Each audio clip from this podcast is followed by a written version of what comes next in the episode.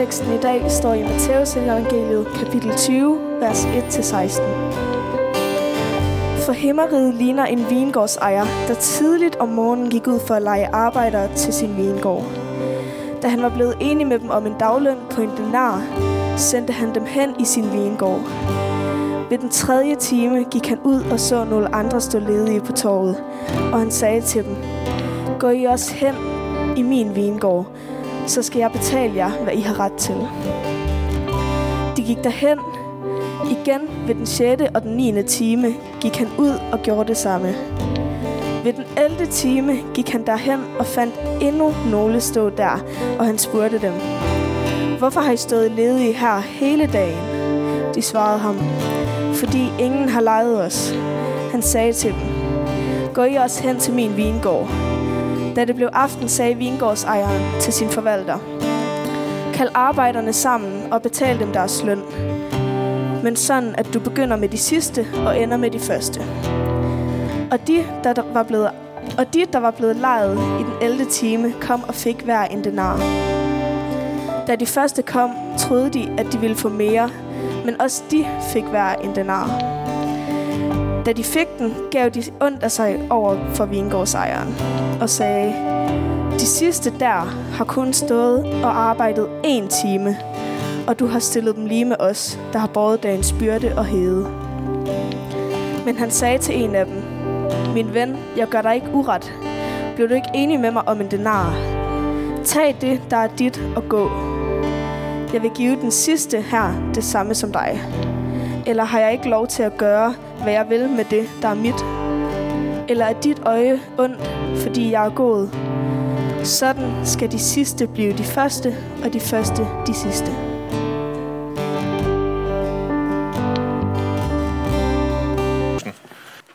Kære far i himlen, tak fordi at du er her. Tak fordi at vi er dine børn. Tak for din helligånd, og vil du åbne vores hjerter, og, så vi kan høre det, du har at sige til os. Tak. Amen. Det her med daglejere, nu går jeg lige på teksten, som Christine læste lige før. Øhm, det er ikke sådan en praksis, vi har i Danmark mere, sådan umiddelbart, men jeg ved i hvert fald blandt andet, at findes der stadig i USA, at man sådan kan, hvis man ikke har et fast arbejde, så kan man gå et eller andet sted hen og stille sig op og vente på, om der er måske nogen, der har brug for en til at male et stakit den dag, og så får man løn for den dags arbejde. Og øhm, der er virkelig tale om en usikker indtjening her, øhm, øh, hvor man kun sådan tænker på at klare dagen af vejen. Det, det er ikke mere, og det er ikke mindre. Det er bare lige, om jeg får mad i dag. En denar, det var faktisk også lige præcis sådan, at man kunne klare sig den dag. Sig selv og sin familie, at man fik mad den dag. Det er faktisk overhovedet ikke svært at sætte sig ind i, at det godt kan give sådan en vis utilfredshed. Altså, når man står der, og vingård, så, øhm, ham der ejer vingården, han begynder at dele ud, og han giver så en denar til dem, der har været der. Øh, ja, hvordan er det, han starter med dem, der har været der? Hvem hørte efter? En time. Præcis. En times arbejde, og så får du en denar. Det er en hel dags arbejde. Det er vanvittig øsselhed. Og så går han videre to timer, og så videre, og så videre. Og så kommer til dem, der har været der hele dagen, knoklet i solens hede. Og så får de også en denar. Og det er jo forståeligt nok, at man bliver utilfreds over det, fordi de fortjener så meget mere. Jeg synes, at jeg synes ikke, det er normalt at gøre sådan noget. Og hvor er incitamentet også til at øh, stå tidligt op om morgenen og ned og stå og flekse med musklerne og vise, at tag mig først, altså mig kan du stole på. Altså det ødelægger ligesom hele sådan det der system. Umiddelbart så ser jeg i lignelsen et opgør med tanken om, at man sådan kan sikre sig en billet til himlen. Altså det, det er sådan det, jeg tænker grundlæggende, at Jesus han går ind og taler til farisæerne om, ind til jøderne omkring, og det der ligesom er på spil. Øhm, så farisæerne, de troede jo, at de var sikret en billet til himlen. Frelsen, den var på plads, hvis de selv levede op til lovens krav, hvis de selv sådan i det ydre øh, fulgte de, øh, de regler, der var, de levede efter forskrifterne, så kunne de godt regne med, at så, så var frelsen ligesom på plads, så, så fik de en billet til himlen. Den her tankegang om, at vi kunne påvirke det, der sådan skal ske med os efter det her liv her på jorden, igen vores egne gerninger, det har jeg faktisk jo også i den grad præget kirken op igennem de sidste par tusind år. Både den katolske kirke, særligt før reformationen, men også siden, og også i vores lutherske kredse og i alle mulige forskellige sammenhænge. Og lignelsen her er altså et opgør med tanken om fortjeneste generelt. Ikke bare det med evigt liv, men at vi kan fortjene os til Guds nåde. At vi kan fortjene os til at komme i himlen. Og at vi selv skal gøre, at vi skal knokle, vi skal selv gøre os retfærdige nok og gode nok. Problemet er bare, at uanset om vi mener det ene eller det andet rent teologisk, altså om vi er på det rene med, at det rent faktisk er Gud, der sørger for frelsen, eller vi selv skal gøre lidt stadigvæk. Uanset om man tror på det ene eller det andet, så har vi mennesker bare en tendens til, at vi gerne vil have løn som fortjent. Fordi så er der jo noget, vi kan gøre, og så kan vi jo være med til at præge hele processen. Det er lidt usikkert, det der med, at det bare ligger i Guds hænder. Så er der noget, vi kan kontrollere. Der er noget magt, der ligger i vores hænder. Og vi vil så gerne gøre os fortjent til Guds kærlighed. Vi vil så gerne gøre os fortjent til at komme i himlen. Og leve et godt liv og, og vise, at der er noget, vi dur til, der er noget, vi er gode til. Gøre nogle gode opgaver i kirken. Ligesom vi også stræber efter de gode jobs i vores, øh, i vores liv, i vores liv generelt. Og det kan være svært at skelne mellem sådan det der almindelige arbejdsliv, familieliv og kirkeliv. Hvornår gør vi det ene, og hvornår gør vi det andet? Men heldigvis så er Guds veje jo bare så meget højere end vores. Vi beder om at få, vi ønsker at få løn som fortjent, men han giver os det, vi har brug for. Han giver os det, han kan se, vi har brug for. Den fuldkommende kærlighed, nåden og tilgivelsen, helt uden at vi skal fortjene og gøre os fortjent til det. Timothy Keller, han er en verdenskendt teolog og pensioneret præst, og han udtrykker det sådan her. I kristendommen, der er du godkendt på forhånd. Og derfor kan du leve dit liv uden at skulle bevise noget eller gøre dig fortjent til noget. Her bygger godkendelsen ikke på livsførelsen, men livsførelsen bygger på godkendelsen. Ja, jeg synes, det er så godt, så jeg vil lige sige det en gang mere. I kristendommen, der er du godkendt på forhånd. Og derfor kan du leve dit liv uden at skulle bevise noget eller gøre dig fortjent til noget. Her bygger godkendelsen ikke på din livsførelse, men din livsførelse bygger på godkendelsen. Og du er godkendt på forhånd. Hvor befriende er det ikke lige sådan, ah, ja, selvom vi har jo den her tendens, der går i modsatte retning. Vi vil have løn efter fortjeneste, eller vi tror, at det fungerer sådan, så vi aser og maser lidt for at være gode nok, eller gøre det godt nok. Og vi kan tit frygte for, om vi nu egentlig kommer til kort, om vi nu egentlig er elsket af Gud, om vi nu egentlig er frelste. Men i Guds øjne, der er vi allerede godkendt. Og vi kan bare få lov til at leve i den frihed og trygt hvile i, at grundlæggende, så er der sagt god for os. Grundlæggende, så er vi godkendt.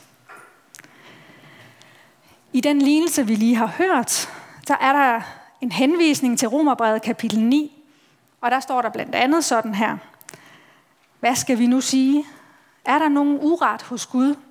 Eller sådan, har han ikke rigtig styr på det? Er der noget, han har misforstået? Aldeles ikke. Han siger jo til Moses, jeg forbarmer mig over, hvem jeg vil, og viser noget mod, hvem jeg vil. Så afhænger det altså ikke af menneskers vilje eller stræben, men af Guds barmhjertighed. Sådan står der i Romerbrevet. Så afhænger det altså ikke af menneskers vilje eller stræben, men af Guds barmhjertighed. Så det tror jeg, vi har slået fast nu. Frelsen og det evige liv afhænger ikke af vores egne gerninger, hverken de gode gerninger eller de dårlige gerninger, men vi kan jo godt se, at det clincher lidt, det, det clasher med, med vores menneskelige natur. Det kan være svært at leve i det her og hvile i det, fordi vi vil egentlig så gerne hjælpe Gud med at frelse os. Med at elske os. Og det er sådan et dilemma, jeg tror bare kører i os. Og jeg tror ikke altid, vi ved, at det kører ind i os. Så jeg tror, at øh, det er godt at blive opmærksom på, og så igen og igen vende os væk fra den natur, og så tage imod alt det, vi har fået givet af Gud. Og så oven på denne grund af at være godkendt, så kan vi leve et liv i henhold til den her overvældende noget, den her frihed. Leve i den her glæde over, at vi er godkendt. Og så kunne jeg sige, ah, amen nu, sætte punktum. Men det vil jeg ikke gøre. Fordi jeg synes, der er en bestemt ting, som stikker ud i den her lignelse. I hvert fald, mens jeg har bokset med den den her gang. Øhm, det er jo en del af de her glemte lignelser, som, som vi har på tapetet for tiden i Aalborg Valgmenighed. En masse lignelser, som vi egentlig ikke øh, kigger så meget på længere og bruger. Mærkelige lignelser, nogle af dem. Og så tager vi dem frem og kigger på dem. Kan de egentlig sige noget nyt til os? Og det jeg sådan, det, der har talt til mig, og det, jeg synes, den siger noget om os, det er utilfredshed. At være utilfreds. Og utilfredshed, det kan have mange forskellige ansigter. For eksempel i Danmark er vi jo altid utilfredse med vejret, og det er jo hele året rundt, altså om det er sommer eller vinter. Det kan vi altid lige arbejde lidt med, og det er jo dejligt. Så er der det i hvert fald, vi kan være utilfredse med. Og så er der en af utilfredshedens øh, grimme ansigter, misundelse. Græsset er altid grønnere hos naboen, hos de andre. Vi er misundelige på andre mennesker. Deres bil er større og pænere. Måske er konen eller manden pænere, større, øh, et eller andet, hvad det nu er. Men det er jo tit nogle helt andre ting. Altså det vi egentlig måske selv arbejder med og gerne vil være gode til, så bliver man misundelig over, at der er nogen, der er endnu bedre til det, end jeg er, eller hvad man ønsker at have her i livet. Utilfredshed kan også være her i kirken med, med de andre, som ikke øh, tror på den rigtige måde, eller tænker på den rigtige måde om forskellige ting. Og det kan også være sådan noget med, at i en eller anden sammenhæng i kirken, at her knokler jeg løser, og og jeg gør bare så meget, og jeg synes bare ikke, der er nogen, der ser det ordentligt, eller, eller forstår, hvad det er, jeg egentlig går og knokler med. Og hvad opnår jeg med det? Hvad får jeg ud af det? Ingenting, åbenbart. Sådan kan man godt gå og være utilfreds. Og det er ikke altid, at vi tænker over det, eller lægger mærke til det. Eller derhjemme, eller på arbejdet. Ja, jeg kan for eksempel godt tænke, det er altid mig, der vasker op, eller det er altid mig, der skal støvsuge eller vaske gulv, som jeg heldigvis ikke gør særlig tit, men så kan man jo godt være lidt sur over det, når man så gør det. Det er bare så træls. De andre laver jo ingenting. Og jo, nogle gange skal man sige stop. Nogle gange skal man tage den vigtige snak og få sagt, det her det dur ikke. Det er ikke i orden. Og så skal man få lavet noget om. Men det er ikke det, jeg ser her i den her lignelse. De havde jo aftalt en løn. Der var absolut ingenting at blive utilfredse over. De havde fået, hvad de blev lovet. Men så begyndte de at sammenligne sig med de andre. Og det her med at sammenligne sig, det er en del af den her utilfredshed. Det er enormt far- farligt, og det er enormt usundt. Han har ikke lavet lige så meget som mig, og så får han den samme løn. Hvor er det snyd? Eller vi kan så fortsætte med alle vores egne ting. Hun har en meget bedre sangstemme end mig, og det er bare så snyd, og jeg knokler, og jeg gør, og jeg aser og maser.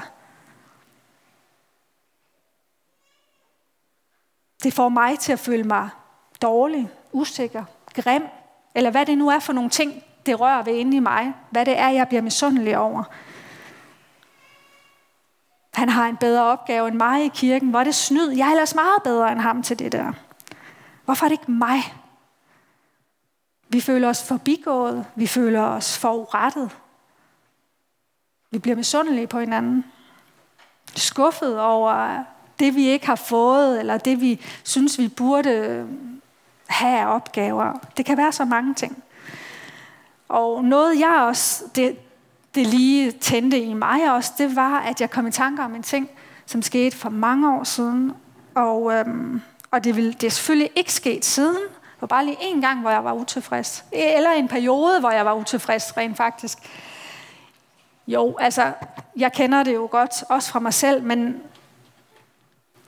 der var lige den her periode, som jeg kan huske, som ligger mange år tilbage, hvor børnene var små, og der havde været en eller anden stresset tid, en eller anden presset tid, og jeg var begyndt at blive mere og mere utilfreds ved et eller andet ved Jakob, ved min mand. Det var ikke sådan generelt jo, det har jeg aldrig været. Det kan man ikke være, når man er gift med Jakob. Men et eller andet, jeg havde stiget mig blind på. Og så efter sommerferien, og man er sådan blevet mere og mere afstresset, så sad jeg en dag ved klaveret og sang lidt lovsang. Og det her med at sidde for mig ved klaveret og synge lovsang, det er faktisk en af de få steder, Gud han kan få lov til sådan at få et ord indført hos mig, og sådan sige noget til mig og gribe ind. Og pludselig så kunne jeg bare se i det her, jeg havde været utilfreds over, hvad det egentlig var, der var min part i det. Hvad jeg selv havde af skyld. Og, hvad der, og det var noget, der gjorde, at, at der var et eller andet, der var usundt i relationen. At jeg ikke selv havde tilgivet at jeg ikke selv havde elsket fuldt ud, måske været tilbageholdende med min kærlighed, måske var jeg resigneret. Og når Gud så viser mig sådan nogle ting, så oplever jeg sådan et sandhedens lys. Det er overvældende, og det gør også ondt, men jeg oplever al- aldrig at blive fordømt. Jeg oplever altid sådan en overstrømmende kærlighed, når det er Gud, der viser mig noget, som jeg skal have lavet om på så oplever jeg aldrig fordømmelse. Kun når det er mig selv, der er i gang med at, at, at bedømme mig selv. Så jeg kunne sådan græde lidt og, og på ny lade Guds fantastiske kærlighed fylde mig og helbrede mig. Fylde mig op med den kærlighed, som vi kun kan få hos Gud, når vi er sammen med Jesus, og som Helligånden kan fylde os med igen og igen. Og det kan jo, I må jo relatere det til nogle andre ting. Det er ikke alle, der, der er så heldig at være gift øh, med Jakob og have tre dejlige børn. Øh, vi har hver vores liv, og der er forskellige ting, men, men det her med at gå og mure, at have utilfredshed, der har jeg bare det billede af det, at det har ikke nogen stopknap. Utilfredshed har ikke en stopknap. Du kan ikke bare sige, det har jeg ikke, eller nu, nu trykker jeg her på knappen, så er jeg fuldstændig tilfreds og glad. Den er nemlig ikke nem at styre. Den bor i os, og den er næsten altid usynlig. Og næsten altid undertrykt, for vi ved godt, det er ikke sundt og sandt og rigtigt. Og det gør blandt andet, at det tit kommer ud som stikpiller, sådan ud af siden. Og det, det er svært at opdage. Det er svært for os selv at opdage, og det er svært måske også for andre. Mest for en selv. Men den er der, og den vokser helt af sig selv. Den har sådan en evne til at blive sådan en, en mur, ligesom, eller nogle omvendte briller, hvor man så lige pludselig ser, man kan ikke se sine egne fejl og mangler i det, man kan ikke se sin egen part i det, man kan bare se, hvor er det bare for dårligt, og hvor er det bare træls, at han, hun gør sådan og sådan og sådan. Eller når vi sammenligner os med nogen, vi synes er bedre end os, så får vi også de her omvendte briller. Vi bliver usikre på os selv, usikre på, om vi slår til, om vi er gode nok, om vi er kloge nok, om vi er dygtige nok, smukke nok. Så vender de her briller den anden vej. Og vi kan ikke se vores egen styrke, vores egen skønhed, og hvordan vi bare er elskede og helt perfekte og skønne. Så vi bliver utilfredse med os selv, eller vi bliver utilfredse med en anden, utilfredse med Gud måske over, at han ikke har styr på det og det og det, eller gør sådan og sådan og sådan. Også for, i Bibelen kan vi læse om, hvordan et af de største problemer for jøderne under ørkenvandringen i Gamle Testamentet, det var utaknemmelighed. De knurrede, de blev, altså Gud han havde lige gjort et under, måske kæmpe, kæmpe under. Så var der brød og manna ude i hele ørkenen, og de var glade og taknemmelige. Men så snart der opstod problemer, eller at ja, man kunne hurtigt glemme det igen, så brokkede de sig og glemte Guds tidligere under. De glemte ligesom, hvad det var for en, hvad det var for en vandring, de var i gang med. Hvad der var det store mål. Og jeg tænker, at utilfredshed, det har kun én eneste modgift. Og det er taknemmelighed. Vi kan ikke tage os sammen mere for at komme af med den. Vi kan ikke kæmpe den kamp selv. Vi kan ikke trykke på den knap, som jeg sagde før, men vi kan vende vores blik til Gud hver dag, igen og igen, og sige tak. Tak for den dinar, du giver mig i dag. Vi beder os, måske hver dag, giv os i dag vores daglige brød. Og så kan vi sige tak, fordi du har givet mig mit daglige brød i dag. Tak for mit hjem. Tak for min familie. Tak for mine venner. Min menighed, min præst, mit menighedsråd, for staben. Tak for den nye dag for lyset og for regnen, der vander mine blomster, som jeg elsker. I 1. Thessalonikerbrevet, der står der, sig tak under alle forhold, for dette er Guds vilje med jer i Kristus Jesus. Sig tak under alle forhold, for dette er Guds vilje med jer i Kristus Jesus. Kom til mig, siger Jesus. Kom til mig, uanset om du ikke laver særlig meget i kirken, eller derhjemme, eller på arbejdsmarkedet, eller om du knokler dig træt. Uanset om du har et fint job eller ej, om du er indadvendt eller udadvendt, om du er trist, om du har svært ved at finde din plads her i kirken, her i livet, om du har svært ved at finde dig selv, finde Gud. Du er velkommen i mit rige, siger Jesus til os i dag. Ja, det siger han til os hver dag. Du er velkommen, for jeg har betalt prisen, for at du kan få evigt liv. Og det er et evigt liv, der allerede begynder i dag. Du kan modtage alt, hvad jeg har til dig. Lad os bede. Tak Gud, fordi du, for, du forbarmer dig over, hvem du vil, og du viser noget mod, hvem du vil. Tak fordi, at nåden og frelsen ikke afhænger af mig. Den afhænger ikke af vores vilje eller stræben, men af din barmhjertighed, Gud. Tak fordi vi allerede på forhånd er godkendt om at leve i den glæde og i den taknemmelighed. Tak fordi du elsker os, hver og en, fordi du er vores himmelske far. Og når du taler sandheden til os, så gør du det altid i kærlighed. Aldrig med fordømmelse. Så vi ikke øh, føler os forkerte eller fordømt, men vi føler os set og forstået og elsket. Tak, at du hjælper os med at give slip på misundelse og utilfredshed. Utilfredshed med os selv, eller med andre, eller med dig. Vil du komme og hjælpe os til at give slip, og vil du hjælpe os med at være taknemmelige. I Jesu navn. Amen.